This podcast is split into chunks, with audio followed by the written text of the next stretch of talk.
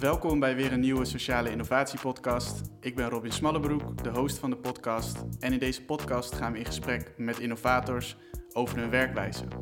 Om te leren hoe we maatschappelijke uitdagingen een stukje effectiever kunnen aanvliegen. Vandaag spreken we met Marieke Koekoek, Tweede Kamerlid bij Volt. Zij deed onderzoek aan de Universiteit van Leuven naar handelsrecht en milieumaatregelen in relatie tot extraterritorialiteit. Daar straks meer over. Ook volgde zij een master aan de Universiteit in Amsterdam en een master aan de Universiteit van Barcelona. Bij de laatstgenoemde paste Marieke pluridisciplinariteit toe. Een methode voor innovatie, even om het vrij te, een, een naam te geven, waar we in deze podcast natuurlijk super nieuwsgierig naar zijn. Daarnaast reisde zij af naar China om te werken aan de China EU School of Law. En is ze nu met voorkeurstemmen namens Volt in de Tweede Kamer actief met speciale aandacht voor handelsrecht, inclusiviteit, humane migratie, het tegengaan van polarisatie en het democratiseren van de EU, oftewel het democratisch tekort. Heel veel, maar daar komt straks meer over. Um, Volt is een partij die verschillende Europese volpartijen verbindt, om op deze manier sterker te staan bij besluitvorming in Brussel. Kortom, een innovatieve partij, innovatieve aandachtspunten en innovatieve werkvormen. Welkom Marieke. Ja, hey, welkom. Dankjewel, bedoel ik. Hoe zit je hier? Hoe gaat het vandaag met je? Uh, ja, gaat goed vandaag. Het is, uh, was een drukke week, drukke weken weer. En volgende week hebben we reces, dus dat geeft even wat ademruimte. En het is heel lekker weer en het is vrijdag, dus ik zit heel ontspannen. En wat betekent het reces voor jou? Nou, dat betekent met name dat, uh, dat ik wat meer aan mijn, mijn eigen tijd toekom. In de zin van, ik kan zelf dingen lezen, um, kan wat meer met mensen bellen... Um, op punten die ik zelf heel belangrijk vind. En dat is net even een verschil met weken waarin je wel debat hebt. Want dan ben je ook natuurlijk heel erg bezig met wat er dan gepland staat, wat er op de agenda staat. En dan word je iets meer geleefd. Het is allebei heel leuk, maar zo af en toe zo'n recessweek is heel prettig. Voor op aan te komen eigenlijk. Nou, fijn dat je met deze podcast dan zo het reces in kan gaan. Ja. Um, ja, voordat we vol de stof ingaan, eigenlijk uh, de eerste vraag is... wat naast politiek is voor jou uh, ja, iets wat ontspant of uh, enorm veel energie geeft?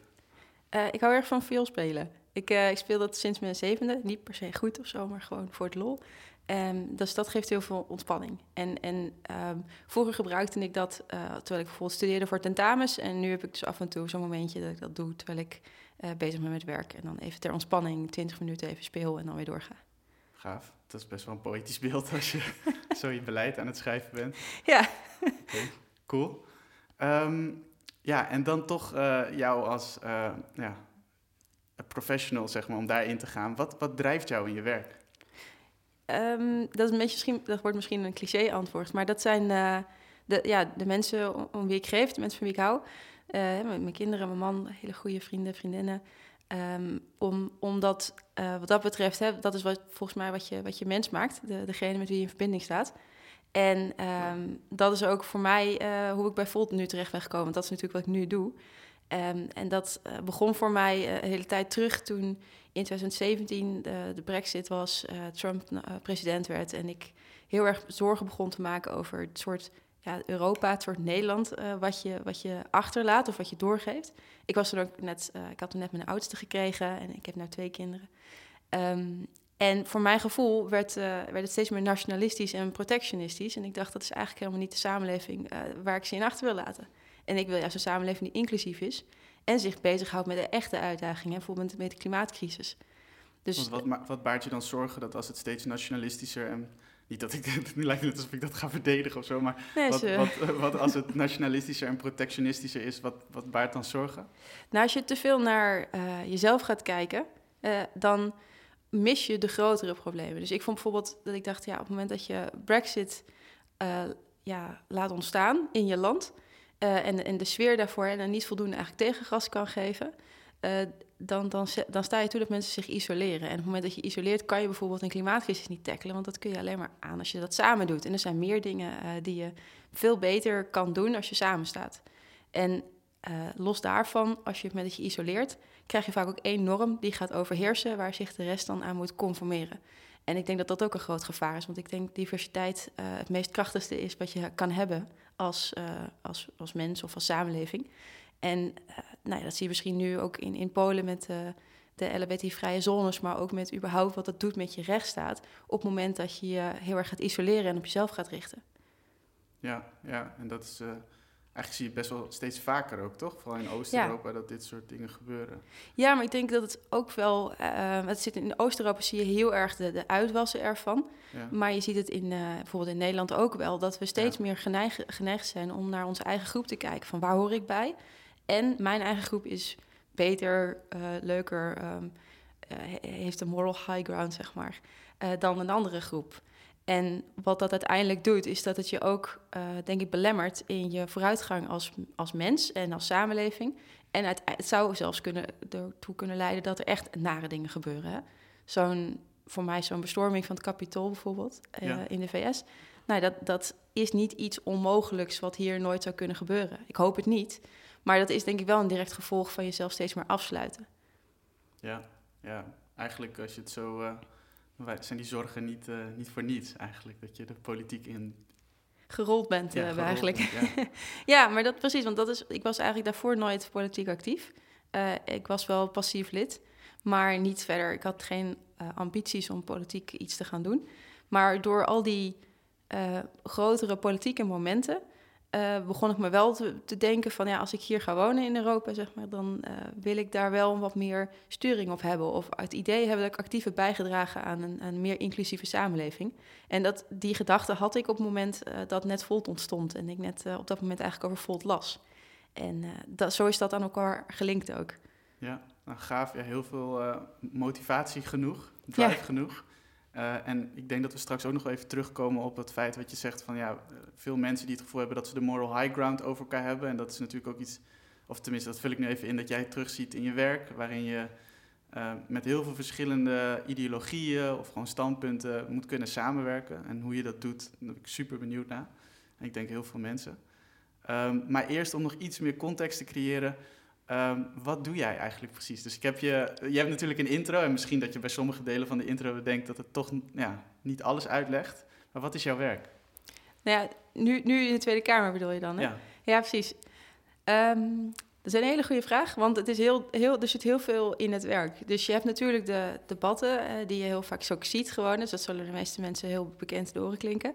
Ja. En uh, los daarvan ben je als Kamerlid heel veel bezig met informatie uh, vergaren. Met heel veel mensen spreken ook, met experts, met mensen die... Of, of omdat ze zelf heel goed in de materie zitten... of omdat ze zelf iets meegemaakt hebben... En dat ook gebruiken natuurlijk voor woorden, meenemen in het verhaal wat je vertelt. En um, veel ook met, met andere partijen, met andere mensen van partijen samenwerken. Dus er is heel veel mensgericht uh, in dit werk. En um, dus dat zo een gewone dag bestaat over het algemeen uit nou, een debat. En dan heb je, dat heet dan een technische briefing. Dus dan ga je zo'n gesprek aan met experts. je kan ook gewoon een vergadering hebben. Dat heet dan een procedurevergadering, waarbij je als commissie gaat bespreken van nou, dit gaan we op de agenda zetten en deze brieven of rapporten gaan we daarbij dan betrekken. Um, en het zijn heel vaak uh, ja, koffietjes doen met mensen. Dus, van, en dat kan dan zijn van of van andere partijen of juist van buiten. Um, ik denk dat dat wel de meest belangrijke dingen zijn. Ja, en, en natuurlijk gewoon ook ja, dit soort dingen. In de zin van het verhaal wat je, wat je wil vertellen. Om zoveel mogelijk mensen daarin ook mee te nemen. Zodat je ook wel juist buiten Den Haag heel erg actief bent. Op werkbezoeken gaat bijvoorbeeld. Um, ik ben een keer naar Ter Apel geweest. Uh, ik ben een keer bij, bij Greenpeace langs geweest. Dat soort dingen doe je ook. Of bij, uh, ik zit bij de commissie LNV, dus over landbouw. En dan ja. ga je dus ook vaak um, bij een boerderij langs of bij een, um, uh, een natuurgebied. Ja, het klinkt echt als enorm vol. Een soort van, je het is wel vol, ja. Je bent verhaal aan het vertellen, je bent mensen aan het bezoeken, je bent... Volgens mij noem je het een technisch overleg, toch? Ook weer met experts? Uh, ja, dat heet dan een technische briefing. Maar het is briefing. eigenlijk inderdaad gewoon een overleg... En, waarbij je heel veel vragen mag stellen... Uh, vanuit gewoon jouw, um, ja, ja, vanuit jouw, perspectief, de partij die vertegenwoordigt. Um, maar echt inhoudelijke vragen over een bepaald onderwerp. Dus bijvoorbeeld over stikstof of over um, een migratiegerelateerd onderwerp. Of nou ja, noem maar op. En, en die setting, we gaan zo meteen nog veel uh, dieper in op hoe, je, hoe het proces eruit ziet. Maar hoe ziet dat eruit? Jij zit dan aan het kop van de tafel en daar omheen allemaal experts en dan mag je losgaan? Of? Ja, weet je wel. Dus je hebt, in, je hebt in de Tweede Kamer verschillende soorten zalen. Ehm, en je hebt natuurlijk de plenaire zaal, die is het grootste, die kent iedereen met die blauwe stoelen. Dan heb je ook nog commissiezalen, die zijn wat kleiner. En vaak vindt zo'n technische briefing of een ronde tafelgesprek, dat zijn vergelijkbare dingen waarbij je heel veel informatie ophaalt. Uh, die vinden dan plaats in zo'n kleiner zaaltje. En dan zit je inderdaad als uh, woordvoerders van de partijen... zit je dan aan één kant, heb je het midden, heb je de voorzitter en de griffier. En dan vaak aan de andere kant de, de experts die je, die je dingen vraagt. Ja. Een gesprek mee hebt eigenlijk. En, en vervolgens, um, wat, wat is jouw werk? Dus dit zijn een soort van de meetings. Dus uh, debat ophalen, het verhaal vertellen, technische briefing. En wat is dan vervolgens jouw soort van... wat doe je daarmee? Wat is dan vervolgens het werk? Ja, ik denk wat je daar voornamelijk mee doet, is um, je, je, je eigen verhaal uh, scherper maken. Uh, en ook je eigen vooroordelen bijvoorbeeld testen. Dus als je dan in debat staat, want uiteindelijk gaat het denk ik in de Tweede Kamer nog het meest om het debat uh, dat je hebt met elkaar.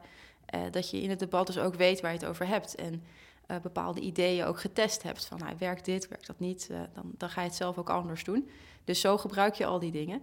En je doet het ook om um, het gevoel te houden. Je bent natuurlijk volksvertegenwoordiger. Dus dan moet je wel heel goed weten wat je vertegenwoordigt, wie je vertegenwoordigt. Ja. Gaaf. En, ja. en dus ook zoals het in de media lijkt, het epicentrum van waar het op neerkomt, is ook echt het debat. Daar wijst alles wat je doet. Ja, en voornamelijk ook alles wat er om een debat heen gebeurt. Want je hebt natuurlijk het gesprek in een zaal, uh, maar je hebt ook het gesprek daaromheen. Dus bijvoorbeeld als je een motie in wil dienen, dan ga je natuurlijk altijd even kijken van zijn er mensen die dit willen steunen? Uh, moet ik iets in de tekst wellicht aanpassen? Krijg ik dan bredere steun? En dat gebeurt om een debat heen. Dat is echt een, een soort uh, moment in tijd waarin datgene wat je wil bereiken ook echt, uh, nee, daar kan je dan stappen maken. Gaaf. Dus eigenlijk in de wandelgangen gebeurt ook heel veel. Ja, zeker. Ja. ja. Nou, en dat is ook wel goed, want dat is dus waar je elkaar ook het meeste echt treft. Hè? Alle partijen treffen elkaar daar. En dus daar kan je ook echt goed op zoek naar de verbinding. Ja, nou, gaaf. Dit geeft hem van mij meer weer een soort van clearness, een soort van, oh, dit is het werk. Uh, ik hoop iedereen die luistert ook. En dan vervolgens, ja, jij vertegenwoordigt Volt. Ja. En jullie zijn nieuw in de Kamer. Wat is Volt eigenlijk? um, nou, Volt, ik zou het zelf omschrijven als een pan-Europese beweging... die inmiddels zo gegroeid is dat we ook een politieke tak hebben... Uh, die um, zich onderscheidt omdat we um, één verhaal hebben. We hebben eigenlijk uh, één beleidsprogramma wat in alle landen in Europa nou, nagestreefd wordt. Waarbij ieder land ook wel weer een eigen vertaalslag heeft gemaakt. Dus nou, in Nederland hebben we het Europese beleidsprogramma. Maar we hebben ook een nationaal Nederlands beleidsprogramma. Uh, en, en daar weer uit een verkiezingsprogramma. Dus je probeert altijd rekening te houden met uh, lokale gewoontes, cultuur, dingen die spelen. Uh, maar wel met één streven. En waar we ons ook in onderscheiden, is dat je echt de samenwerking in Europa opzoekt. En daarmee dus ook soms kritisch kan zijn op de Europese instellingen. Dus het is geen uh, copy-paste van zeg maar het, de Europese Commissie of het Europees Parlement. We willen juist uh, echt meer die Europese politiek op de agenda zetten. En soms en daarmee ook de instellingen meer democratisch maken. En het is ook een, een beweging die ja, van de grond op gestart is. Dus het is ooit gestart in, in een soort van eigenlijk reactie op Brexit door een Fransoos, een Italiaan en een Duitser. En uh, die kenden elkaar al. Die waren met elkaar aan het praten over, nou ja, wat ik net eigenlijk ook beschreef, van het groeiende nationalisme en wat dat dan doet met je Europese waarden en je samenleving. En zo is uh, dat zeg maar de, de, het zaadje geweest waaruit Volt gegroeid is. Dus, en dat merk je nu nog steeds wel. Het is ook een, um, we zijn niet alleen politiek actief, maar proberen ook echt wel als beweging uh, ja, mensen bij elkaar te brengen. Uh, ook misschien soms activistisch te zijn als dat nodig is. Uh, mee te doen aan demonstraties of zo'n klimaatmars bijvoorbeeld. Dat je um, ja, het Europese politiek, maar dan wel heel erg met je voeten in de, op de grond. En dit klinkt voor mij nog, nog heel groot. Zo van wat, wat is. Um, wat doe je dan precies? Je hebt het misschien net al gezegd hoor, sorry, in andere woorden, maar dan, soort van, dan heb ik waarschijnlijk een tweede uitleg nodig.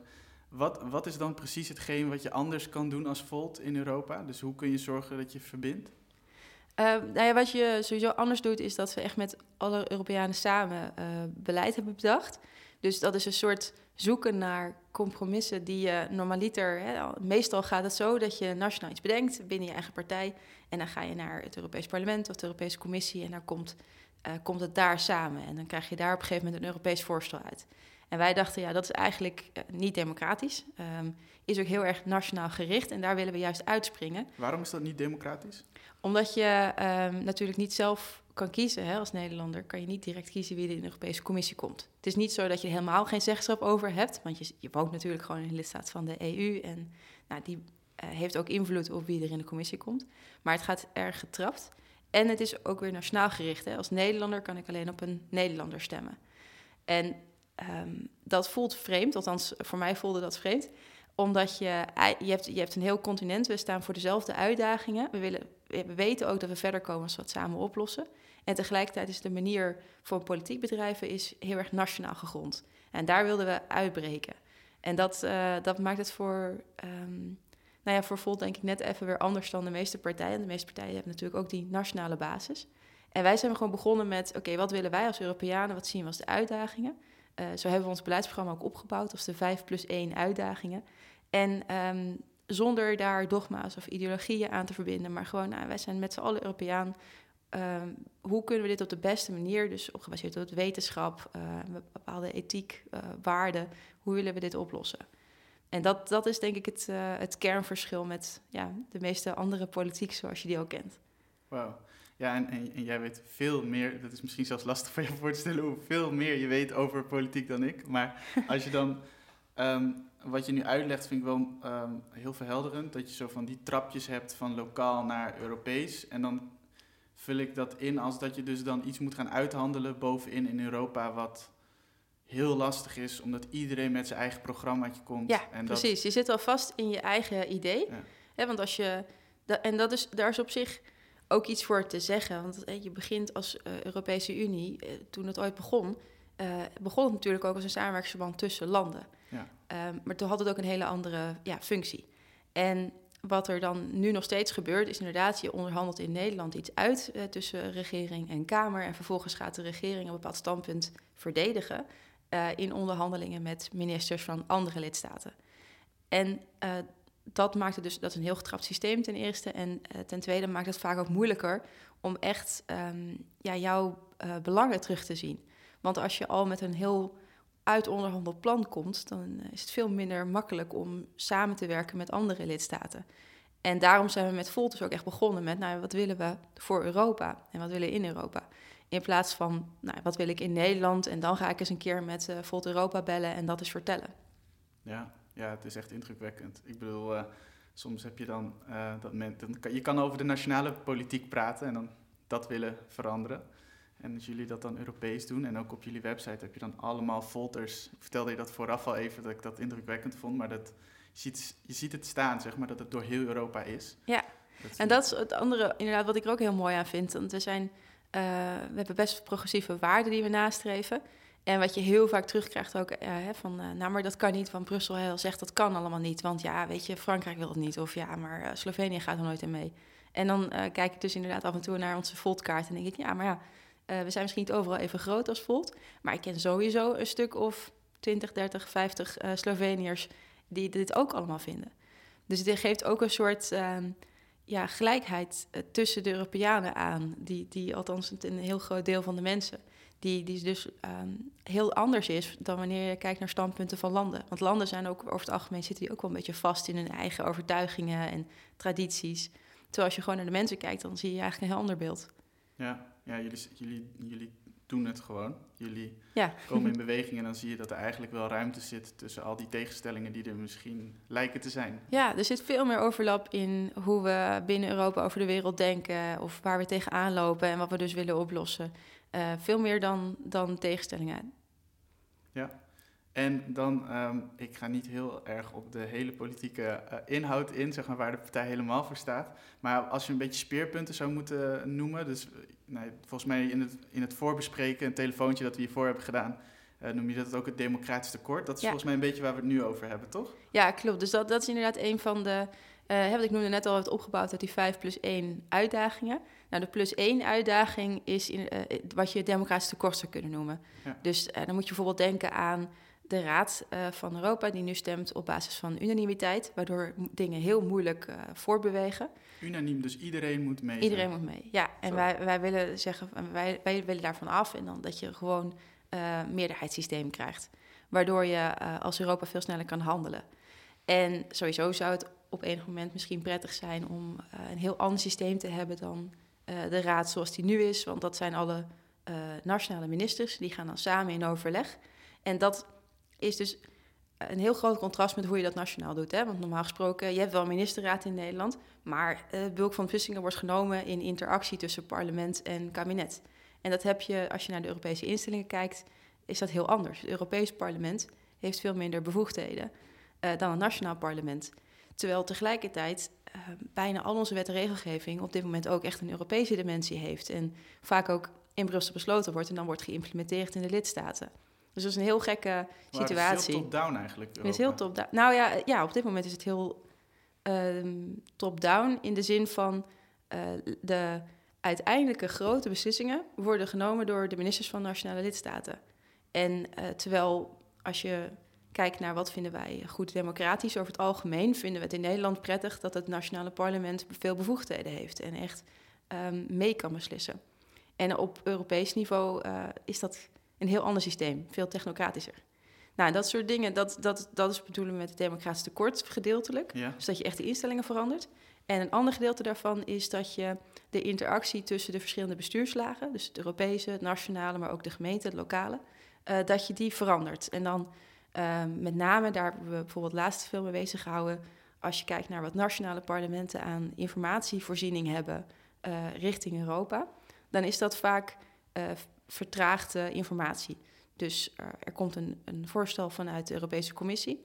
Dan is het normaal, normaal nu zo dat eerst het Nederlandse kabinet uh, zegt van nou dit vinden wij van het voorstel. En vervolgens gaat dan de Kamer, de parlementsleden, die gaan praten over wat het kabinet vindt van het voorstel. Ah, wow, er zit een filter tussen. Er zit een soort, ja, er zit een soort filter tussen en dat, dat heeft dan wat vertraging. Um, en um, voordat een voorstel uitkomt, wordt die eigenlijk al uh, ja, belobbyd, besproken door de lidstaten, maar ook wel door bedrijven of door grotere NGO's. Uh, want zo komt zo'n voorstel uiteindelijk tot stand. Hè? Dus de Europese Commissie praat ook met veel andere belanghebbenden. En um, dat betekent dat dus eigenlijk een nationale parlement pas vrij laat in, in de wedstrijd echt erbij betrokken wordt. Uh, dat heeft een groot nadeel, want ja, wat ik al eerder zei, als je uiteindelijk al heel lang over iets nagedacht hebt en je hebt de positie bepaald, dan kan je die heel moeilijk openbreken. Dus uh, op die manier uh, heb je ook een democratisch tekort. Omdat je eigenlijk um, het nationale par parlementen, met al die bevoegdheden die we hebben, uh, veel te laat informeert en veel te weinig um, autonomie geeft daarin. En daar, daar, trouwens, dat is ook iets wat de Kamer zelf wel actiever kan oppakken hoor. Dus het is ook wel van, mag van twee kanten komen. Dat actief kan? Nou, wat we zelf in, nou, we zijn natuurlijk niet zo gek lang in de Kamer, maar wat we nu al gemerkt hebben, is dat als je zelf proactief uh, naar Brussel gaat, bijvoorbeeld, ik ben een paar keer op bezoek geweest in Brussel, ik ga toevallig volgende week naar Straatsburg, um, dan dat kan zie je... ik ook op je Instagram trouwens. Ik zie ja, kijk, ja. ja, dat is ja. allemaal... Uh... nou, dat vind ik ook echt heel erg leuk, want als je dan een Europese partij bent, mag je dus ook naar verschillende plekken toe. Dus dat is ook wel ja. een van de, um, nou ja, de goede dingen. Ja. Um, maar dat, uh, dat is ook bewust, met het idee van, nou, dan leer je wat mensen kennen. En dan ga je makkelijker zelf ook aan je informatie kunnen komen. Als je weet wat er uh, in Brussel speelt, zeg maar. Uh, dan kan je als Kamerlid ook al heel veel meer agenderen nationaal. Dus het is ook zelf, uh, je kan zelf ook stappen nemen om achter dingen te komen. Het is niet alsof het één groot geheimzinnig fort is of een grote, groot complot. Maar het moet dan wel al op je, op je radar staan als Kamerlid dat dat belangrijk is. Ja, ja, want ergens denk ik inderdaad ook, er zitten al mensen van de partijen in Nederland zitten al in ook in Europa. Precies. Dus ergens zou je denken, er moet een link zijn. Ja. Maar het is natuurlijk ook wel te utopisch om te denken dat die linkjes allemaal... Uh, voor, voor nu, tenminste, ik kan me er alles bij voorstellen dat die linkjes nu nog niet goed lopen. Dat je ja. niet vanzelfsprekend is, dat mensen elkaar aanspreken daarop. Of, uh... Nee, het, en het zijn vaak de, de Europarlementariërs van je eigen partij die dan aanspreekt. Um, en dat is natuurlijk logisch, want dat is het makkelijkste linkje. Mm -hmm. Maar uh, dat moet je dus zelf wel doen. Je moet zelf dan zeggen, nou, ik ga die mensen bellen en eens vragen hoe dingen ervoor staan. En je, je beperkt jezelf er natuurlijk ook wel mee. Dus je kan ook uh, bijvoorbeeld makkelijk met mensen van de Europese Commissie of van de permanente vertegenwoordiging bellen. En op die manier krijg je wel weer andere perspectieven mee. Nou, dat, dat is een, een gewoonte die, die wij er nu in proberen te krijgen. En waarvan we zeggen, het zou goed zijn als, uh, als dat um, minder uit de Kamer zelf hoeft te komen. En tegelijkertijd ook meer een gewoonte zijn van alle Kamerleden. Ja, wauw. Dus even recap. er zit een soort van uh, um, Europees, dus die besluitvorming die kan anders. Er zit nu een soort unanimiteit in. Er kan een meerderheidsbesluit uh, worden. En jullie zitten te kijken ook zelfs nog in de lagen. Dus hoe gaat de informatie heen en weer? Wat is de interactie tussen nationaal en Europa? Ja, dit is echt wel uh, een grote systeeminnovatie. ja, ja, en, en idealiter, en sommige dingen die kan je nu al bereiken en sommige zijn wat meer een stip op de horizon. Ja. Want we hebben natuurlijk ook gezegd van we willen ook um, meer samenwerking in de zin van uh, toewerken naar een Europees leger. Of naar transnationale lijsten. Dus dat ik als Nederlander wel een keer op een, een, een Fransoos of een Duitser kan stemmen. Of op iemand uit Estland. Wow. En dat zijn dingen die nu ook niet kunnen. Dus dat als je partij pan-Europees is, dat je dan dus ook nationaal of dat je in Europa gaat stemmen, hoe bedoel je dat? Nee, dus als je nu, als je nu voor het Europees Parlement gaat stemmen, ja. Ehm, dan kan je alleen voor iemand met je eigen nationaliteit stemmen. Dus uh, degene die nu in Volt Europarlementariër is, uh, dat is een Duitser, daar kon ik niet op stemmen. Ja, en um, nou, dat soort, uh, ja, dat, dat, klinkt dan misschien als iets kleins, maar dat belemmert het gevoel van echte Europese politiek. Terwijl, en dat gevoel wil je juist stimuleren. Het is niet, ik bedoel, dat is ook iets dat in de Europese parlementsverkiezingen de op, opkomst altijd best wel laag is. En dat zijn eigenlijk. Um, er zit een, best wel een soort contrast tussen, denk ik, wat mensen willen. In de zin van je wil eigenlijk grip krijgen en het gevoel krijgen van nou, ik ben onderdeel van de Brusselse politiek. En in wat ze kunnen en wat ze ook dan dus doen. Dus je kan in één keer in de zoveel jaar stemmen voor het Europees Parlement, maar dan wel voor een Nederlander als je Nederlander bent. Nou, dat soort dingen willen we eigenlijk ook doorbreken. Ja, ja super interessant. Ik heb nog nooit over nagedacht dat dat zo is. Want ik moet, als ik helemaal eerlijk ben, ik ben je wel wezen stemmen? Of, Ben je wel wezen stemmen voor de Ja, ik ben wel, nee, ik ben wel wezen stemmen. Die, ah, die hoef ik niet te doen. Maar wel dat ik naast te denken, oh ja, stem ik ook voor Europa? Dus ik ga wel, maar het is wel iets een, een, veel vager, veel moeilijker of zo. Dat ik dan denk, oké, maar wat ben ik nu aan het doen eigenlijk? Ja. Of zo. ja. Dus dan, volgens mij ga ik dan een beetje mee in de partij waar ik ook um, nationaal ongeveer op stem of zo. zo. Zoiets doe ik. Ja, nou, is ook, is ook niet, ik bedoel, ik denk dat de meeste mensen dat doen hoor. Ja. Maar het is, um, het, is, het is ook helemaal niet van, uh, oh wat slecht dat mensen dat doen. Nee, maar... nee, zo kom je ook niet over. Nee. maar het, het, is wel iets, um, ja, zo zei je, het is, er zit een heel groot contrast tussen hoe je met nationale verkiezingen om wordt gegaan, ook, ook in uh, hoeveel media-aandacht het krijgt bijvoorbeeld, en Europese verkiezingen. Dus het zou mooi zijn als de Europese politiek ook echt ging leven. Ja, indrukwekkend, ja. cool. Um, ja, en eigenlijk verder, want jullie, uh, ja, jij werkt eigenlijk ook natuurlijk aan heel veel, ik noem het dan innovaties, en misschien heet het in de politiek beleid, misschien heet het nog wel anders, implementatie van beleid. Um, en ik ben heel nieuwsgierig, en ik denk ook de mensen die luisteren van, ja, hoe doe je dat eigenlijk? Ik denk dat voor heel veel, ik heb ook wel met mensen gesproken hierover, en ik merk dat het voor heel veel mensen een soort van black box is, toch, de politiek, van wat gebeurt daar nou eigenlijk precies? Um, dus ja, heb jij een soort van voorbeeld waarin je ons mee kan nemen in um, ja, hoe jij eigenlijk uh, aan de slag gaat met een onderwerp, hoe je dat vastpakt. Je zei net al natuurlijk iets over die technische briefings, er zijn kamerdebatten, er zijn bezoeken, maar hoe gaat dat? Hoe je het uh, stap voor stap, uh, ja. ja. precies. Um, nou, het begint al met, kijk, we, gaan, we hadden natuurlijk, dus ik ben bij Vol gekomen door beleid te schrijven, hè, dus het Europese beleidsprogramma, daar heb ik zelf aan helpen meeschrijven. Daarna het nationale beleidsprogramma en daarna uh, het verkiezingsprogramma. Dus ik zat zelf heel erg in van oké, dit is al het beleid wat we willen bereiken. En dan kom je in de Kamer en dan denk je oké, maar alles kan niet. Want uh, ja, we hebben dan drie Kamerleden, dat is al een heel groot geluk, maar je kan nooit overal aanwezig zijn. Ja. Dus het uh, begint al met um, nou, vanuit je verkiezingsprogramma en, en, de campagne die je gehad hebt, alle gesprekken die je met mensen gehad hebt, wat kunnen we um, prioriteren? Want wat, wat gaat impact hebben? Waar willen we onderscheidend zijn en waar willen we met andere partijen mee samenwerken. Nou, als je dat heel scherp hebt en natuurlijk ook heel belangrijk wat past bij mij, ja? dus in mijn geval dan of bij Laurens of bij Niederver. Um, omdat dat wel echt je grootste kracht is van datgene wat je uh, in, innerlijk drijft, uh, dat ga je ook het best kunnen vertegenwoordigen in de Kamer. Dus in mijn geval um, heb ik uh, ja, ik zit in heel veel verschillende commissies, maar ik heb het onderwerp asiel en migratie als een van mijn speerpunten gekozen. Ja. Uh, omdat dat voor mij ook heel erg gelijk staat aan ben een inclusief Europa. En ik zie daar veel dingen uh, die, die daar niet goed in gaan. Nou, en dan ga je, hoe ik het heb aangepakt, is dan gewoon echt kijken naar, oké, in verschillende commissies komt dit onderwerp terug. Het zit in Binnenlandse Zaken, het zit in Sociale Zaken en Werkgelegenheid, het zit heel veel in Justitie en Veiligheid. En in Europese zaken uiteraard. Het zit, het zit overal. Het zit, ja, precies. Nou, en dan, um, eh, strategisch uitzoeken van wanneer moet ik waar aanwezig zijn, uh, waar heb ik gaten in mijn kennis zitten die ik ehm, door gesprekken buiten het parlement of binnen het parlement ja, kan, kan dichten. Hoe doe je dat?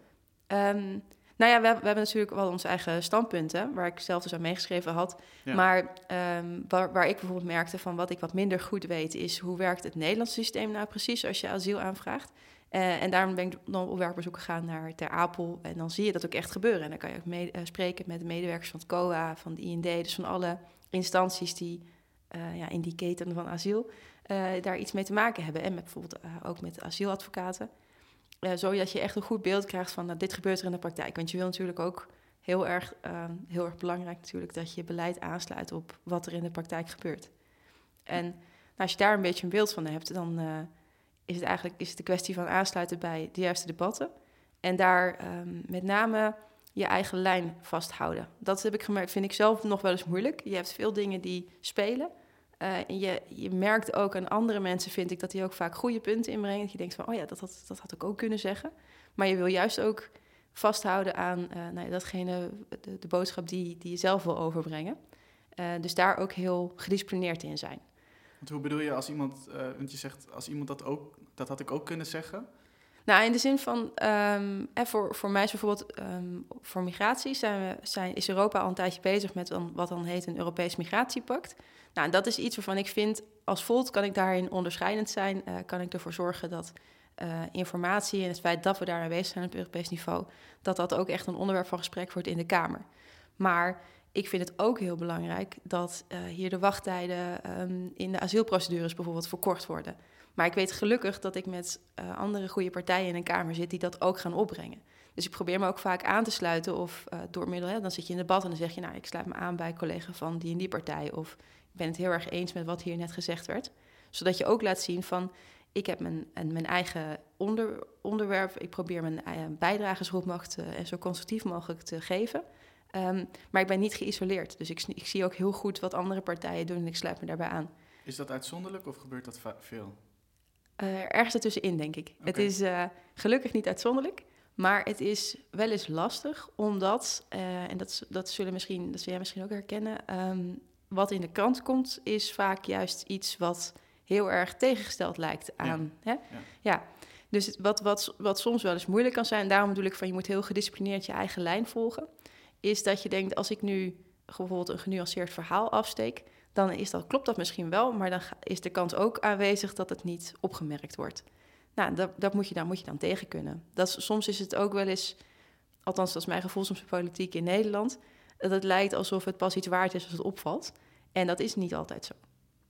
Want uh, het kan wel impact maken als je gewoon die lijn vasthoudt, want het hoeft niet de media te halen. Ja, precies. Ja, want dat is natuurlijk niet het doel van politiek. Je, je, je wil mensen meenemen in je verhaal, maar het ene is een middel voor het doel wat je nastreeft en niet andersom. En, uh, dat, dat, en dat is dus uh, niet uitzonderlijk, want ik zie andere partijen het ook doen. Maar het is wel eens lastig. En zeker als het aankomt op gepolariseerde onderwerpen. En asiel en migratie is echt wel een gepolariseerd onderwerp.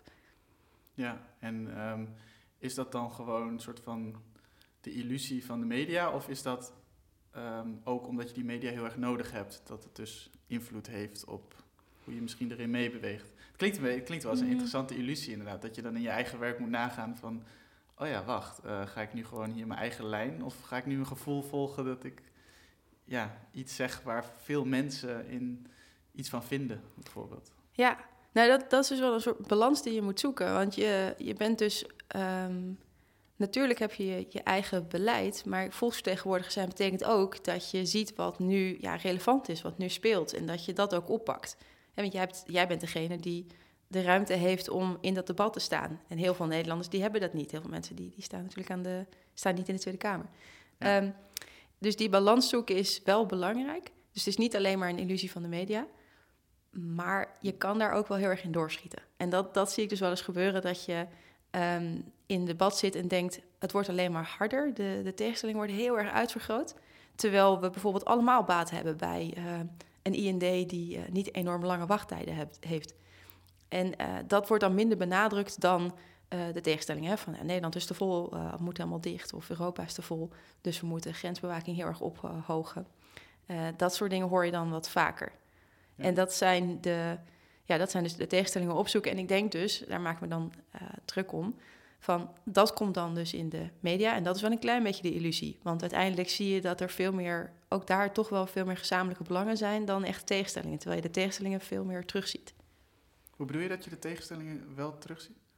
Ik denk dat je, uh, als, als je asiel, asiel en migratie als voorbeeld houden, uh, dat je daar vaker over terugleest wat partijen allemaal niet willen en uh, hoe boos iedereen is. en minder vaak terugleest dat er een midden in de Kamer is die allemaal een goed functionerende IND wil, die allemaal bepaalde mensenrechten centraal wil stellen. Ja, je boerenverstand echt wel ja, gebruiken als je ja. in het werk zit. Ja, dat is het ding. In de Tweede Kamer is iedereen is gewoon mens. Dus er, zijn, er is heel veel ja, overlap aan. Uh, dus, dus heel veel gelijkenis eigenlijk met een keukentafelgesprek. Alleen dat, dat lees je iets minder terug uh, in kranten of, of je ziet het wat minder terug op het nieuws. En daar moet je dan soms, um, soms is dat terecht, hè? soms is er ook terecht ophef. Maar je moet er ook als Kamerlid niet te veel door laten afleiden. Ja. En uh, nu weer dat voorbeeld pakkend ja. van, uh, van, dus nee, volgens mij de, de, de wachtrij ergens zei je, en aan de andere kant het uh, migratiepact, ja. Europees migratiepact. Ja, dus eigenlijk een uh, groot Europees akkoord over hoe gaan we als Europa gezamenlijk om met asiel en migratie. En uh, dat is iets waar, wat voor Volt heel erg centraal staat in, in het beleid ook, omdat we zien als je als Europa samen um, alle asielaanvragen aan zou pakken en evenredig zou verdelen over alle landen, dan zou je niet meer kampen zoals Moria aan de grens van Europa moeten hebben. En dan kan je ook heel snel uh, een, iemand een asielprocedure laten doorlopen, zodat, je, zodat diegene heel snel weet: kan ik blijven of moet ik toch terug naar uh, het land waar ik vandaan kom? En uh, dat zijn dingen die voor één land heel moeilijk zijn. Hè? Griekenland kan dat helemaal niet aan met de hoeveelheid mensen die nu aan de grens staat. Um, maar als je als alle lidstaten gezamenlijk dat op een goede manier aanpakt, dan nou, is er genoeg ruimte in Europa om dat aan te kunnen. En dat, um, nou, dat, dat uitzicht dan in wat je een EU-migratiepak noemt. Dat wordt uitonderhandeld op Europees niveau. En uh, dat is iets wat al lang speelt, maar best relatief weinig aandacht krijgt. Want het, is, het zijn onderhandelingen, het, is, nou ja, het klinkt ook een beetje technisch en droog en zo. Dus, en dat proberen we ook hier in Nederland meer onder de aandacht te krijgen op dit moment. Ja, en uh, nou, je vertelde dus, er is een beleidstuk op het begin. Ja. Daar eigenlijk nog één vraag over. Hoe vorm je dat? Daar ja. ging ik net eigenlijk best wel oh, ja. snel. Nou ja, dat is eigenlijk niet bij stil. Maar... Voor, voor Volt was dat heel erg leuk, omdat het um, uh, begon met een Europees beleidsprogramma. En dat betekende dus dat we een stuk of, nou wat het zijn geweest? Um, hadden een beleidsteam met misschien honderd mensen die op allemaal verschillende onderwerpen beleid uh, samen aan het maken waren. En dan had ik in mijn groepje een stuk of twintig die dus over migratie en ook over internationale handel en zo spraken.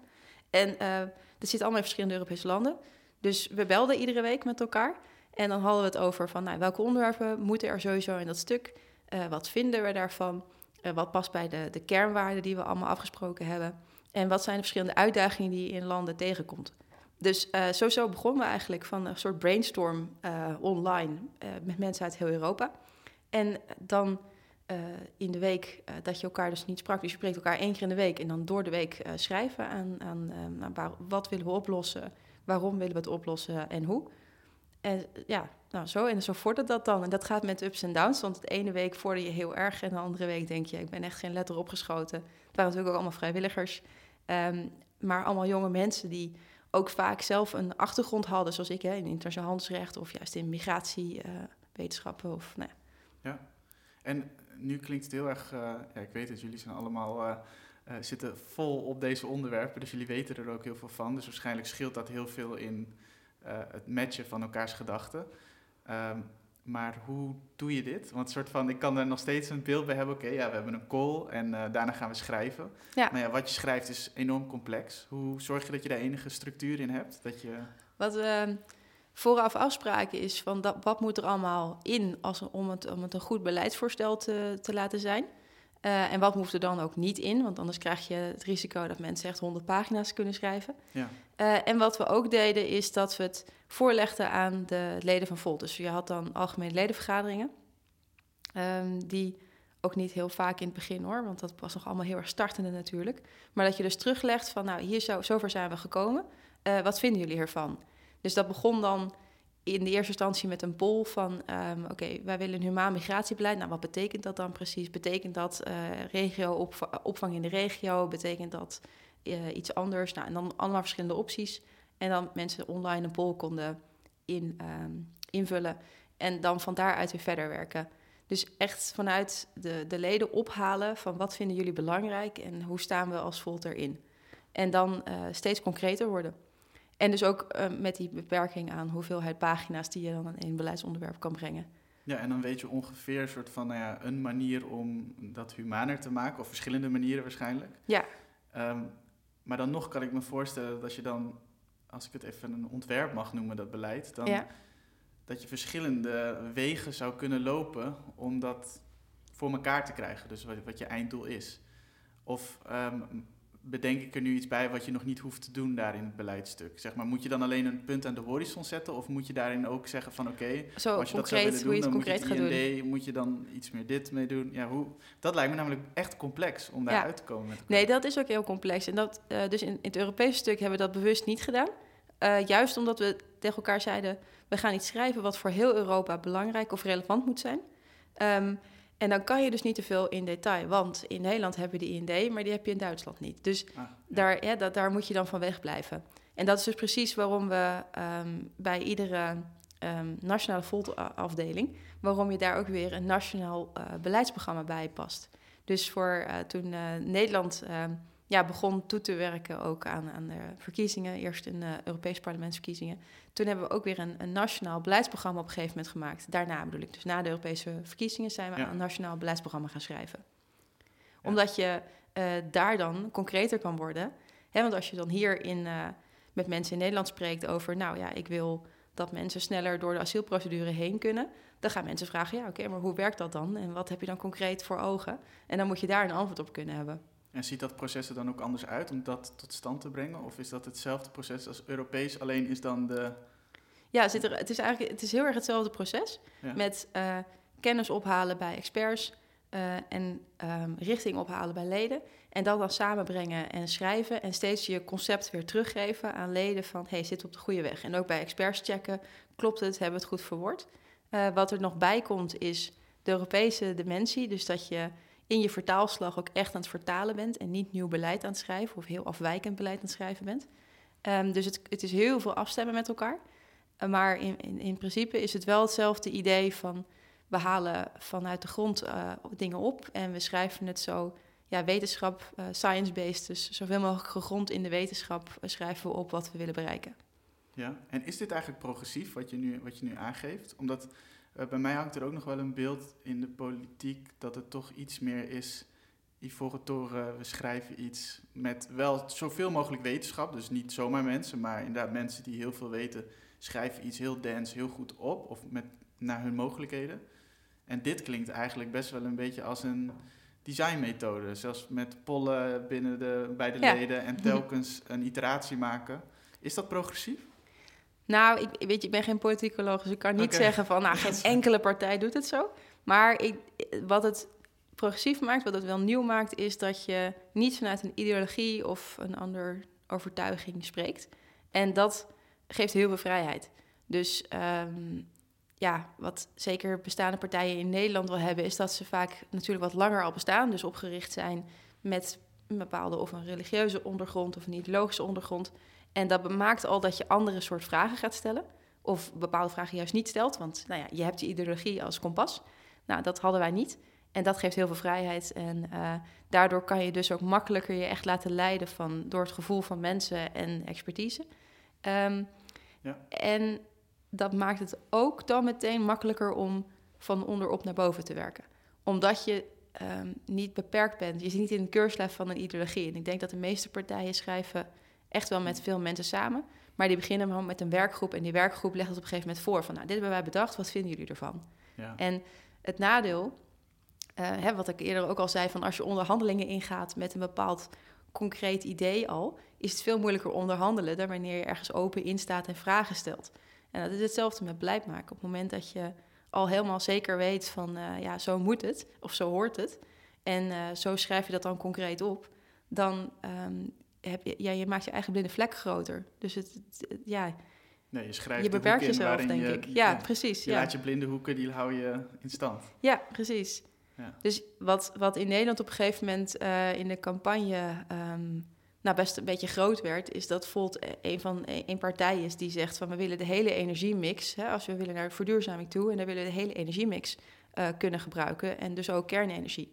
Nou, toen waren we ineens de, de middenpartij, onderwerp. weet je wel. Ja, ja, precies. Het was een gevoelig onderwerp, omdat we dat niet zo gewend zijn in Nederland, dat je eh, tussen links en rechts in gaat staan en zegt van ik wil verduurzamen en ik wil zonnepanelen en windenergie, maar ik wil eh, niks uitsluiten, dus ook kernenergie niet uitsluiten.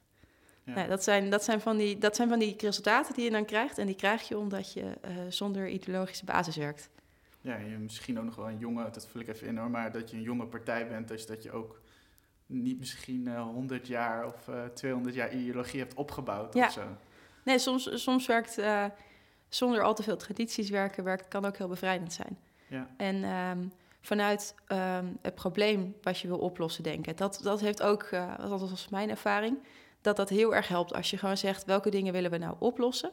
En niet zozeer eh, waar wil ik gelijk in krijgen of waar ben ik beter in dan de rest. En dat zit vaak ook toch wel in ja, ideologieën of dogma's verweven. Van ja, dat is beter dan iets anders, gewoon omdat ik dat vind, punt. En dat hebben we juist niet proberen te doen. Ja, ja je, je legt het bijna uit als, als kleine nuances, maar eh, het klinkt als groot... eh, bij design thinking, ik weet niet of je dat kent, maar is ook... Nee, ja, dat is de eerste fase, is ook echt empathie. Eh, Oh ja, en, ja. Dat is herkenbaar. dat, eh, dat is eigenlijk een beetje wat je uitlegt. Ja. Dus dat vind ik wel heel bijzonder, dat, dat jullie dat ook lukt op zo'n grote schaal. Want het gaat natuurlijk wel om nogal wat onderwerpen. Dus Nou, er we- waren, er waren ook echt dingen. Ik bedoel, kernenergie was niet makkelijk, uiteraard. Want we hebben ook een vol Duitsland. En daar, die hebben een hele andere geschiedenis daarmee. Ja. Ehm, maar heel vaak lukt het ook wel. Ik weet zelf nog dat ik, eh, toen ik net begonnen was bij het Europese beleidsteam, dat we het op een gegeven moment hadden over dierenwelzijn. En toen zat ik met iemand uit Spanje en eh, ook iemand uit Portugal in de call. Nou, en eh, dierenwelzijn, wat mij betreft, eh nou, eh, hoog standaard, dat je wel veel vrijheden voor dieren en humane, humane ehm, heet het, eh, behandeling. Ehm, en toen zei op een gegeven moment, was ik daarmee, was ik het daarover aan het praten. En begon op een gegeven moment iemand, diegene uit Spanje, die zei op een gegeven moment van ja, maar we moeten het ook even over stierenvechten hebben. En ik viel echt zo helemaal stil Oh, van, ja. Stierenvechten, wat? Want dat ken ik helemaal niet. En ik ben ook helemaal niet gewend dat in een ehm, gewone conversatie stierenvechten ineens op tafel ligt. Maar voor, voor hem was dat natuurlijk ja, heel, heel goed juist om te noemen. Want hij zei van ja, dat is wel iets waar we echt mee te maken hebben. Traditie, cultuur in Spanje. Dus in... ehm, Als in van, kan dit een uitzondering zijn? Of? nou, nee, hij zei nee, niet als uitzondering, want dat, ehm, die basis, daar waren we het wel Oké, over eens ja, met elkaar. Maar wel dat hij zei van ja, maar als je dat verhaal, je kan niet zomaar opschrijven, Volt is tegen stierenvechten, punt. Ja. Want dan eh, krijg je de mensen hier niet mee. Dus je moet dat eh, goed uitleggen en dan ook hoe je dat dan wil uitfaceren en hoe je dat wil aanpakken en waar je dan vandaan komt. Nou, dat vond ik heel erg eh, ja, verhelderend, heel erg interessant uiteindelijk ook, omdat het eh, voor mij ook een van mijn vooroordelen was van ja, ja wie, wie vindt stierenvechten nou goed? En toen Ja. kreeg ik dus op deze manier te horen van, nou ja, het zit gewoon heel diep in de Spaanse cultuur, dus daar moet je wel wat mee. Ja, en als je er iemand dan echt bij kan aankijken en je voelt dat het inderdaad een echte ding is of zo, dan kan ik me bij alles bij voorstellen dat het dan pas aankomt. Ja, Ik heb het precies. ook alleen een beetje van buiten afgezien in Sevilla, weet je. Want dan heb je dan ook van die... Ja, oh dan zie je wel dat er posters hangen en zo. Dat ik, maar ik heb altijd...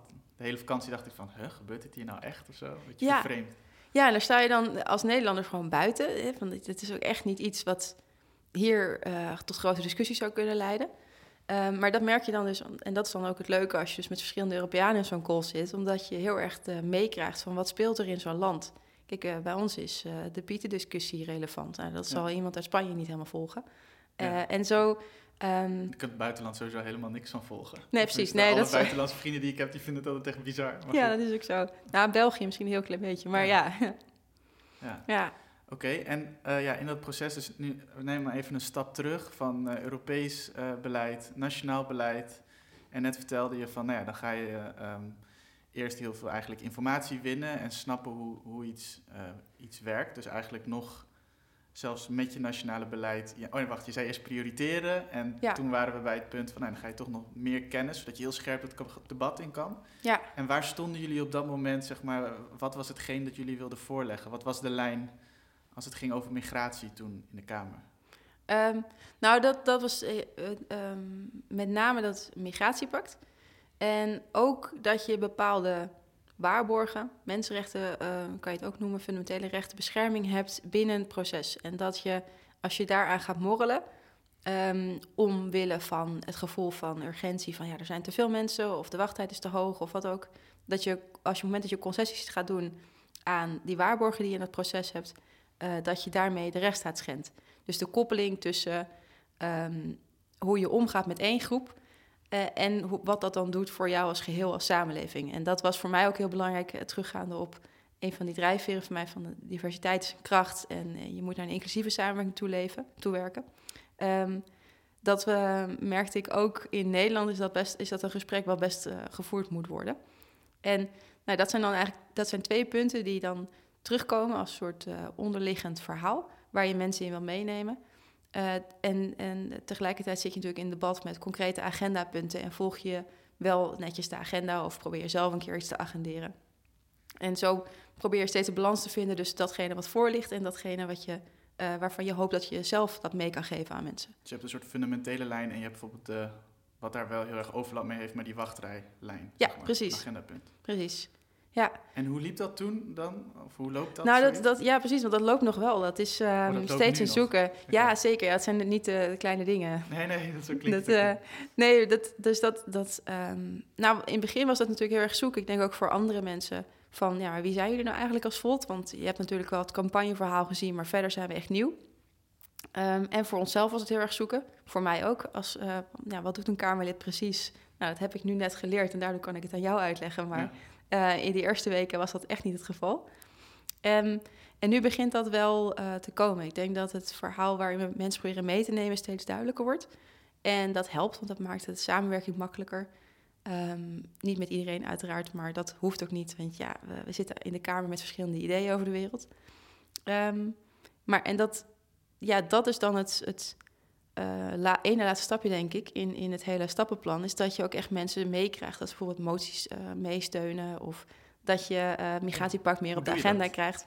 Um, nou, dat, en dat is dus de, gewoon het, het, praten met elkaar. En dat kan tijdens het debat in de wandelgangen, maar dat is ook heel veel gewoon ja, je voorstellen. Even langslopen bij GroenLinks bijvoorbeeld of zo. Of nou, noem een andere partij.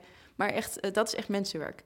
Dus het is ook wel interessant, vind ik, om te zien. Want in, in debatten worden natuurlijk altijd partijlijnen gevolgd en dan zie je heel erg hoe de partijen van elkaar verschillen. Mm -hmm. Maar um, ieder Kamerlid is ook gewoon mens.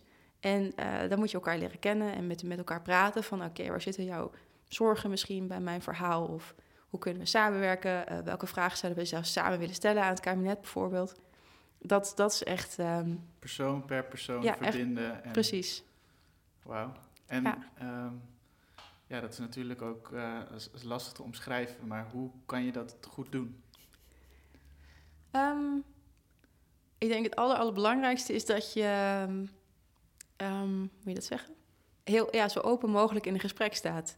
Want je, je weet natuurlijk bij welke partij iemand hoort, dat weet die ander ook van mij. En daar komen vooroordelen bij, daar komen zorgen bij.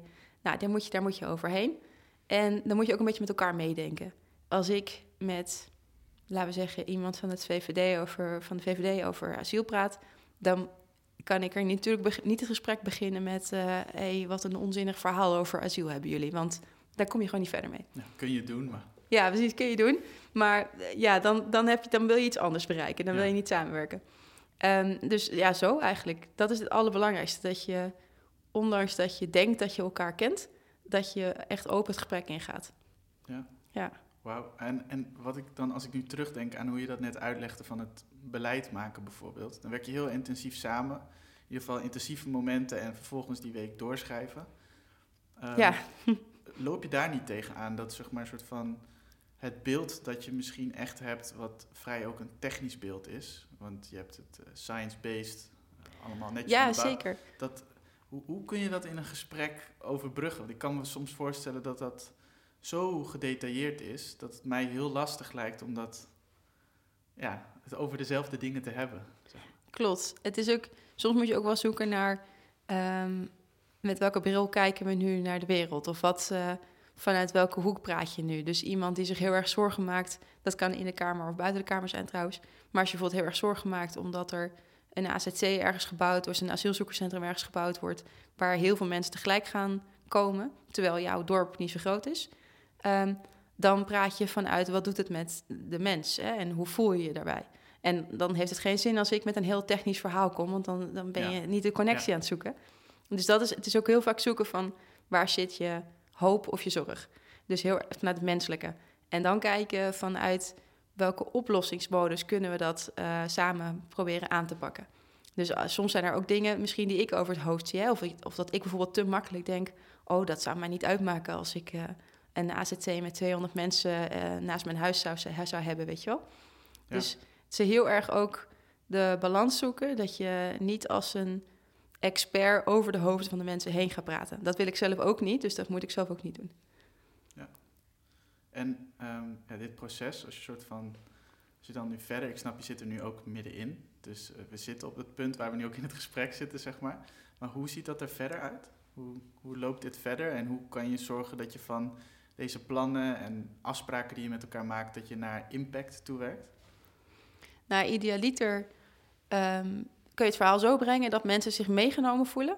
En dat ook steeds meer mensen denken, ah ja, daar zit wel wat in, daar moeten we, moeten we ook aan denken.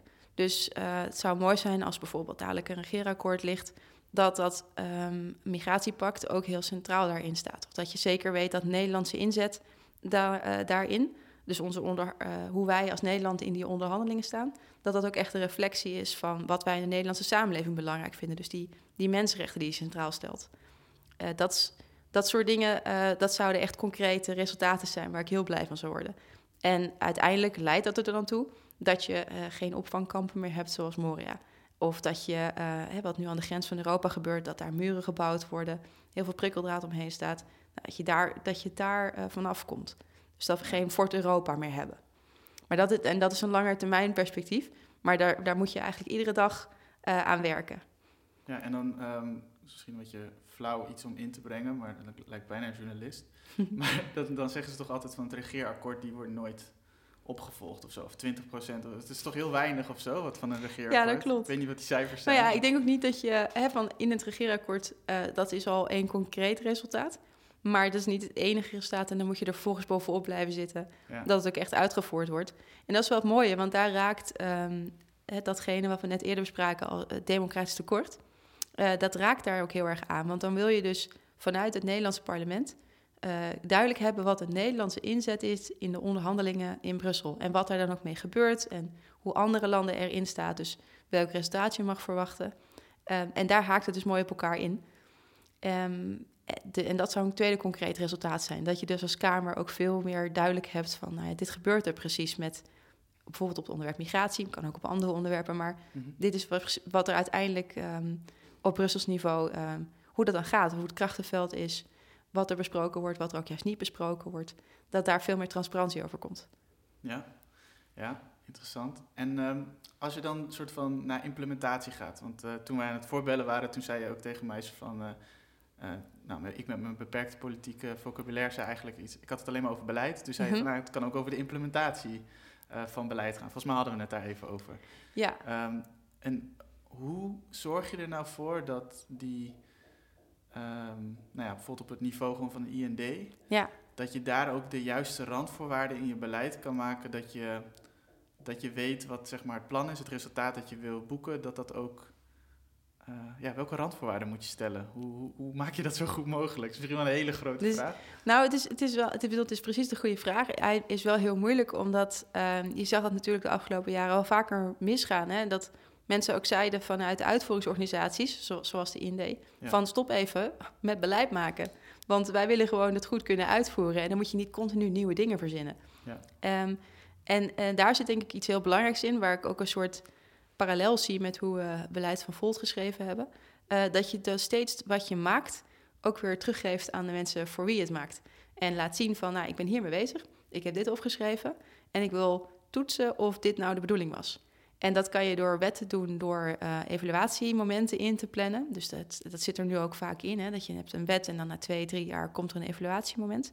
En dat je daarin, in zo'n moment, eh, zoveel mogelijk eh, belanghebbenden spreekt. Dus mensen die in de uitvoeringsorganisaties werken, maar ook mensen die eh, dat beleid hebben meegemaakt. Dus gewoon, ja, weet je, jij en ik, als je naar de Belastingdienst gaat, of iemand die nu statushouder is, die dat hele asielproces doorgelopen Ja, heeft. een goede vriend van mij ook. Ik weet precies dat het echt Ja, kijk. jarenlange onzekerheid. Dat is echt bizar. Ja, Nou, en dat, en dat je dat soort dingen ook uh, meeweegt. Ehm, en ook echt als uh, criterium voor je evaluatie. Want dat daar, een goede evaluatie hangt meestal samen met welke criteria heb je opgesteld. Waar ga je naar vragen? Dus dat je heel technisch in je methodiek, uh, dat je ook echt de juiste vragen stelt. En daar zit, dit zit hem nu ook wel eens in de evaluaties van wet, zit daar nog wel eens um, nou, een blinde vlek. Zeker met name wat, wat voor een effect het heeft op mensen zelf. Maar ook als je een web bedacht hebt, of uh, uitvoeringsorganisaties ook echt kunnen uitvoeren. Of ze daar wel budget voor hebben, de expertise, de mensen. En dat moet je al doen op het moment dat je die wet uh, invoert of uh, de aanpassing maakt van de wet die je wil. Ja, dus een soort van evaluatie op het moment dat die al even is. En er is een, aan het begin ook al toetsen ja, van wat je wil gaan doen. indienen of dat ja. kwalitatief is. Ja, en ik zou het dus zelf zien als, hè, toen wij met vol beleid maakten, je praat met experts over, werkt dit? Want uh, zeker als het over wat meer technische dingen gaat, ja, ik kan de, de wet van zwaartekracht bijvoorbeeld, die kan ik niet aanpassen. Dus als ik iets bedenk wat er haaks op staat, dan moet ik me aanpassen. Mm -hmm. um, nou, dat moet de overheid. Uh, van, van, het moment dat je met uh, beleid komt, moet je dat ook doen. Ja. Nou, je geeft mij in ieder geval heel veel vertrouwen dat je, hoe je dit uitspreekt. Want dit zijn wel dingen. Ik heb wel eens bij de. toevallig een beetje vrijwillig toen bij de parlementaire commissie. Democratisch ja? stelsel was toen bezig. En ik deed iets bij mijn studie wat ook over um, nou, democracy ging, e-democracy. Daar was ik toen tijdens mijn studie een beetje oh, mee bezig. leuk. Maar wat me toen ook opviel, dat inderdaad heel veel wat ik te zien krijg, en dat is echt een beperkt zicht, maar dat als ik dan evaluatiedingen zag, of als mensen zeiden van, hé hey, uh, Robin, want ik had dan ook een UX, digitale achtergrond, oh, ja. kijk eens naar dit, uh, wat hier gebeurt op zo'n pagina, want hier kunnen mensen feedback geven op, of zo. Dat ik echt dacht van, jeetje man, ik, ik ben best wel tech-savvy, maar ik, uh, ik kan hier bijna niet doorheen kijken, soort van uh, oh ja. hoe dit eruit ziet of zo. Dus ik, ik ja. kreeg dat, dat vormde bij mij heel erg een soort van beeld, dat ik dacht inderdaad, een beetje wat jij ook schetst, dat er misschien soms wat blinde vlekken zijn in zo'n evaluatiemoment. Ja.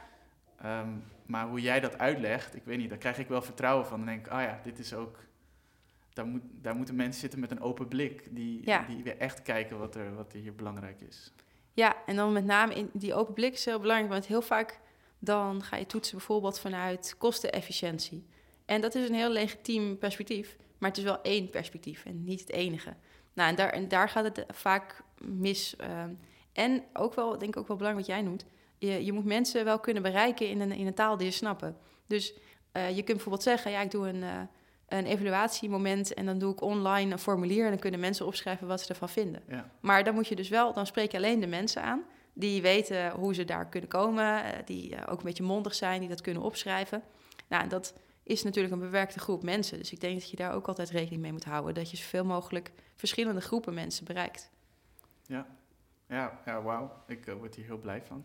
maar um, um, iets wat ik je ook nog wil vragen, wat in het nagesprek naar de podcast met Matthijs Groens en Jeroen Vonk van Novum, van de innovatietak van de Sociale Verzekeringsbank, naar voren kwam is dat zij ook vertelde dat, uh, en nou ben ik wel de naam kwijt, maar er is zo'n hoge, uh, hele hoge politieke raad die erboven hangt, waar Willem-Alexander ook in zit. Hoe heet dat ook alweer? Ja, ik leg dit heel vaak oh, sorry. Uh, nou, je bedoelt, nee, je bedoelt niet de SERG? Dat, dat bedoel je niet? Nee, um, ik bedoel dat er, er zit een soort van... Er is een soort van onafhankelijke raad die ook... nou, dit is echt een heel slecht verhaal. Ik ga deze vraag skippen. Vind je dat goed? Ja, is goed. Ik wou dit heel graag nog stellen. En dan was hij, denk ik, Matthijs ook wel trots op me geweest dat ik de vraag wel goed had gesteld. Sorry. Nu komt hij nog een andere keer.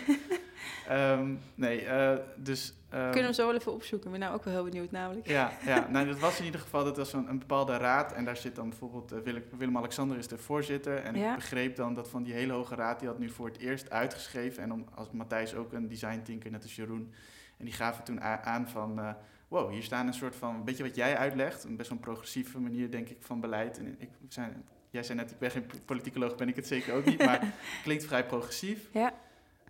Um, uh, en toen zeiden ze van, hé, hey, hier staan wat design thinking elementen in. Dus daar stond echt oh, ja. in beschreven in dat stuk van, oh ja, we, we, we, staan er nu achter dat beleid ook steeds meer een soort van, niet in deze woorden, maar een iteratief proces is eigenlijk. Dat stond er. Dus ja. dat je veel beter moet toetsen bij mensen of iets klopt, ja of nee, wat je wil gaan doen, of dat kwalitatief is. Ja, ook Dus ik was heel erg benieuwd of dat doorcijpelt, maar...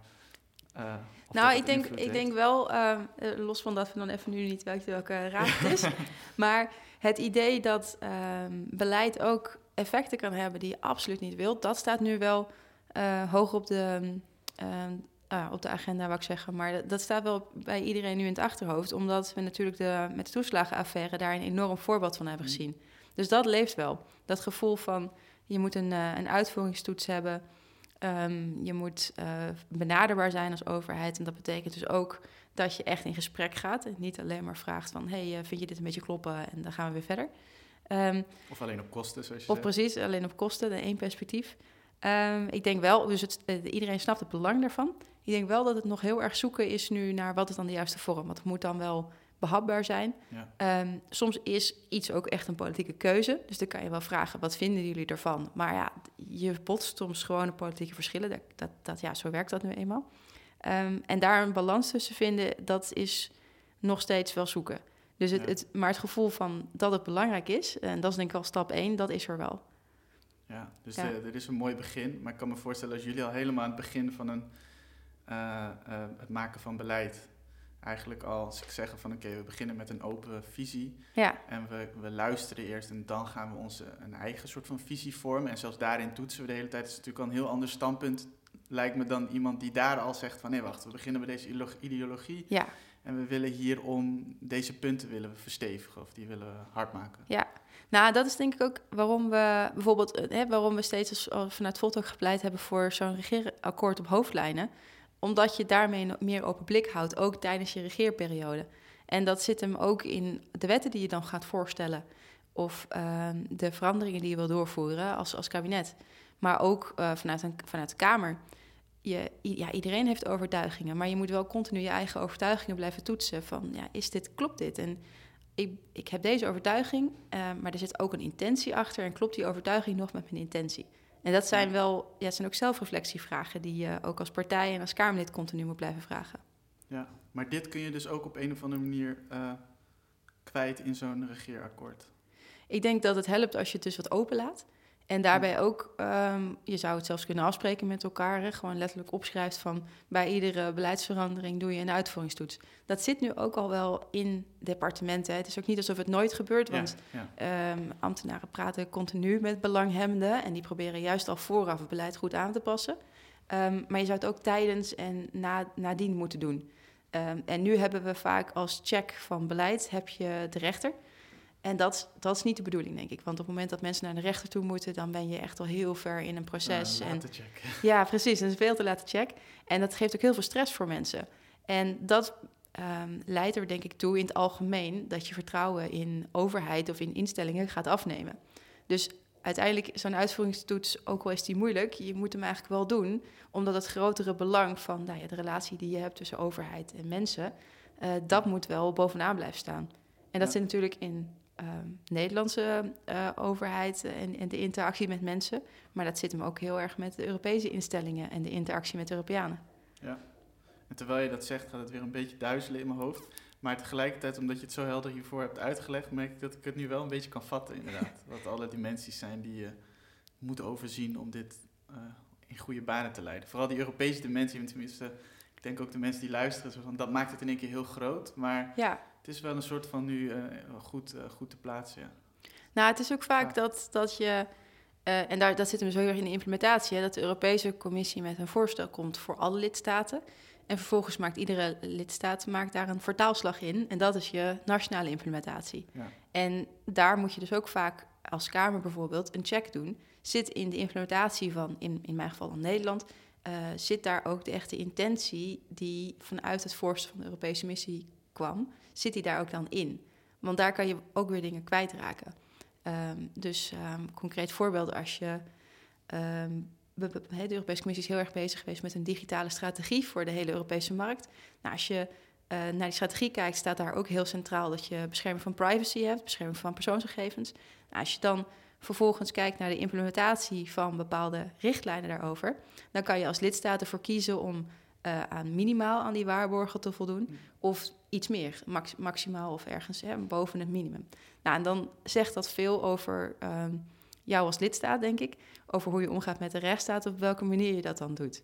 Ja, En, en daar zit dus ook weer de interactie in. Van zit dan de intentie van het beleid vanuit de Europese Commissie, namelijk privacy echt centraal stellen, zit die intentie ook nog steeds in de implementatie in een lidstaat? ja. Ja, wauw. Dus een soort van helemaal bovenaan, weer helemaal terug in het begin van het gesprek. Het is veel efficiënter om eerst eens met elkaar Europees te bekijken in plaats van een, een nationaal programma te maken en dat allemaal weer te bevechten, zeg maar, bovenin. Ja, Dus sla ik met mijn hand tegen een turnring aan. Ehm, en eh, vervolgens geef je dan nog weer aan, nou ja, en als het dan vanuit Europa weer de interactie is, omdat er een nieuwe we- eh, wet is, noem je dit dan een wet of een nieuw beleidstuk? be- ja precies. Ja, Ja, ja. ja. ja, een wet is natuurlijk weer wat anders. Maar dat dat naar beneden zi- eh, zijpelt, dan moet je wel weer ook je interpretatie kunnen maken als, als Ja. land. precies. En, en daarin de balans zoeken tussen je nationale interpretatie inderdaad. eh, zonder dat je eh, het doel van zo'n ja, richtlijn of verordening is het dan, zonder dat je dat kwijtraakt. En daar kan je ehm, soms per ongeluk, maar soms ook expres, kan je daar heel veel in schuiven als lidstaat. Waardoor uiteindelijk, en dat is het, en dat is het grote waarom ik het zo belangrijk vind, uiteindelijk lijkt het dan alsof er een of ander onzinnig idee uit Brussel komt. Hè, dan heeft Brussel het weer gedaan. Eh, terwijl als je dan goed gaat kijken, denk je, nou, maar het was helemaal niet zo'n onzinnig idee, maar de nationale implementatie is een beetje raar gegaan.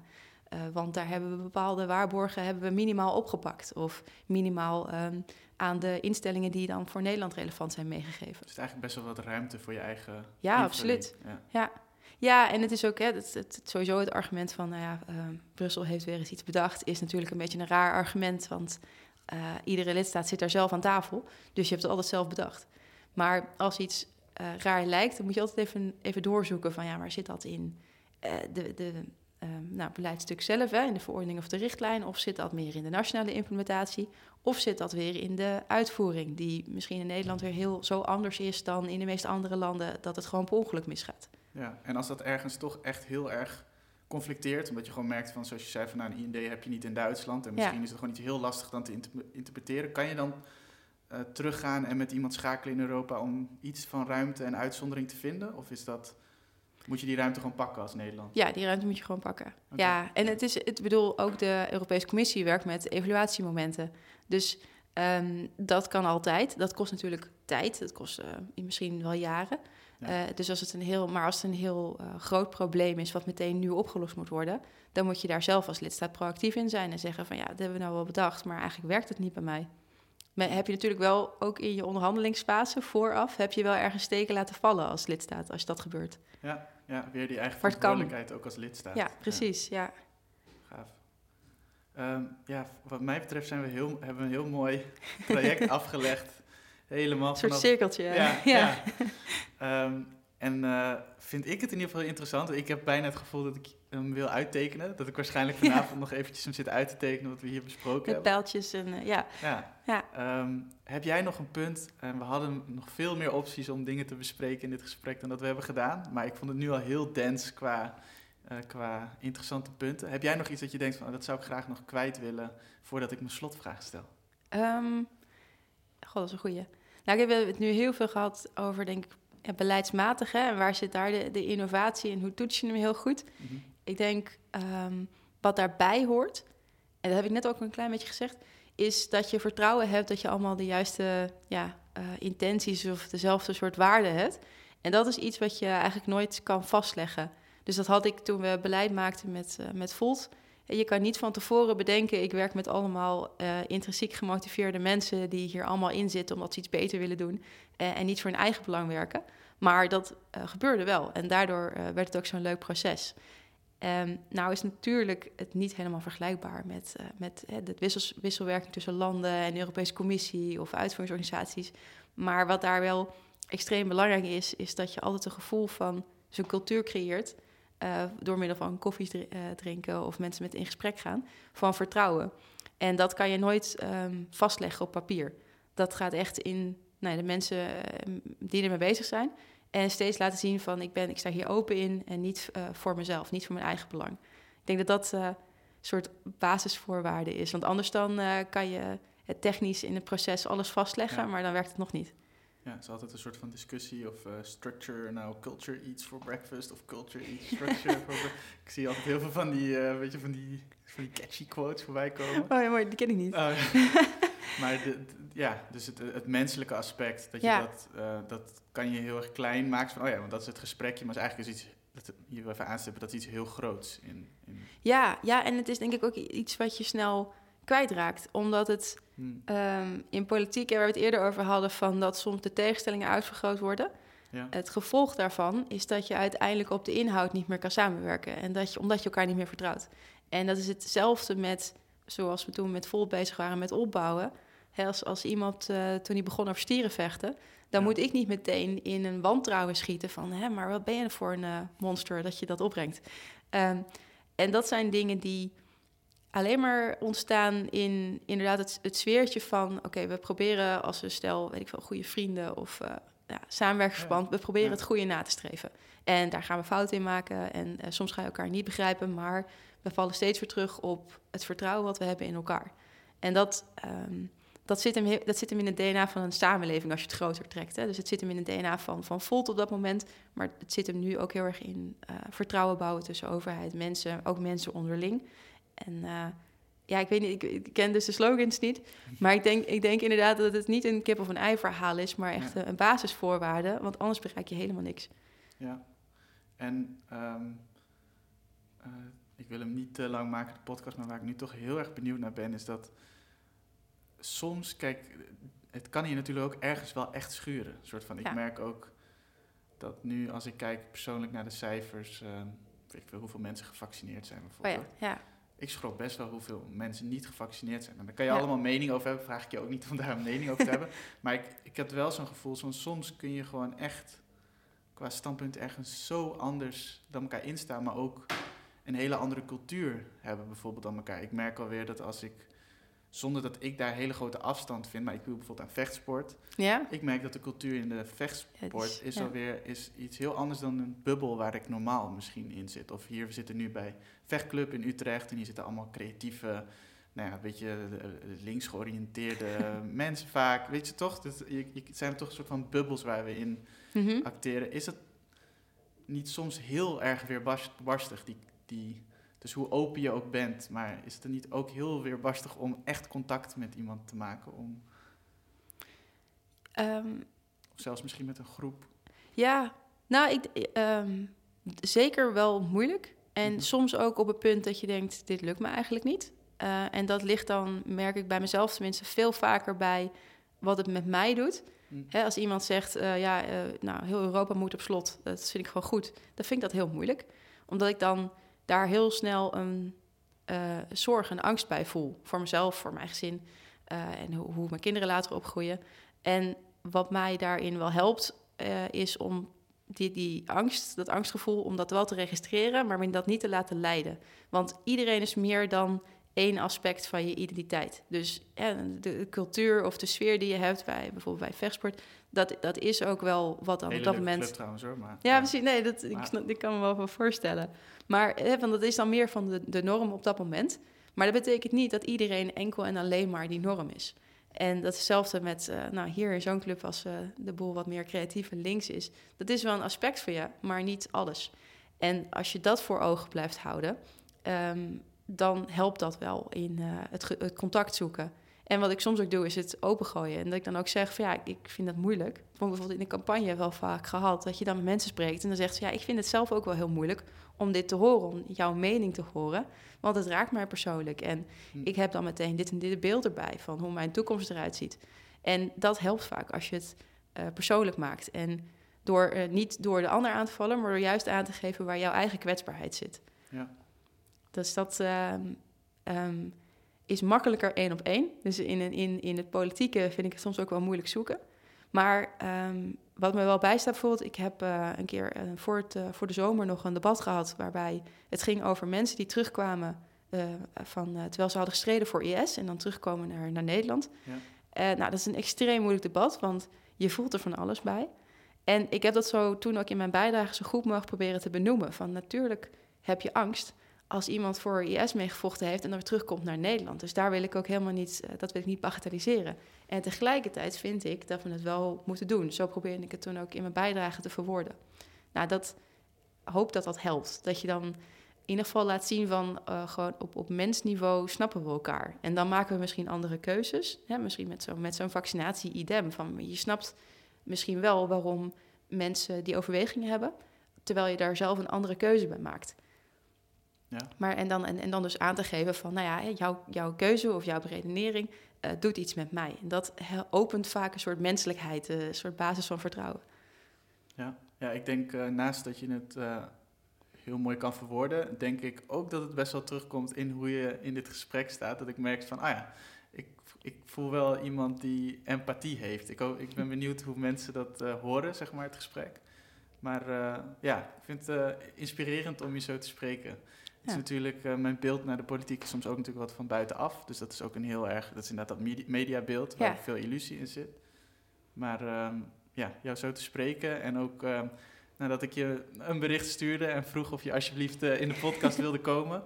eh, dat kwam daar ook wel een beetje in naar voren. Dat ik dacht van, oh, dit is volgens mij wel een ander soort stem.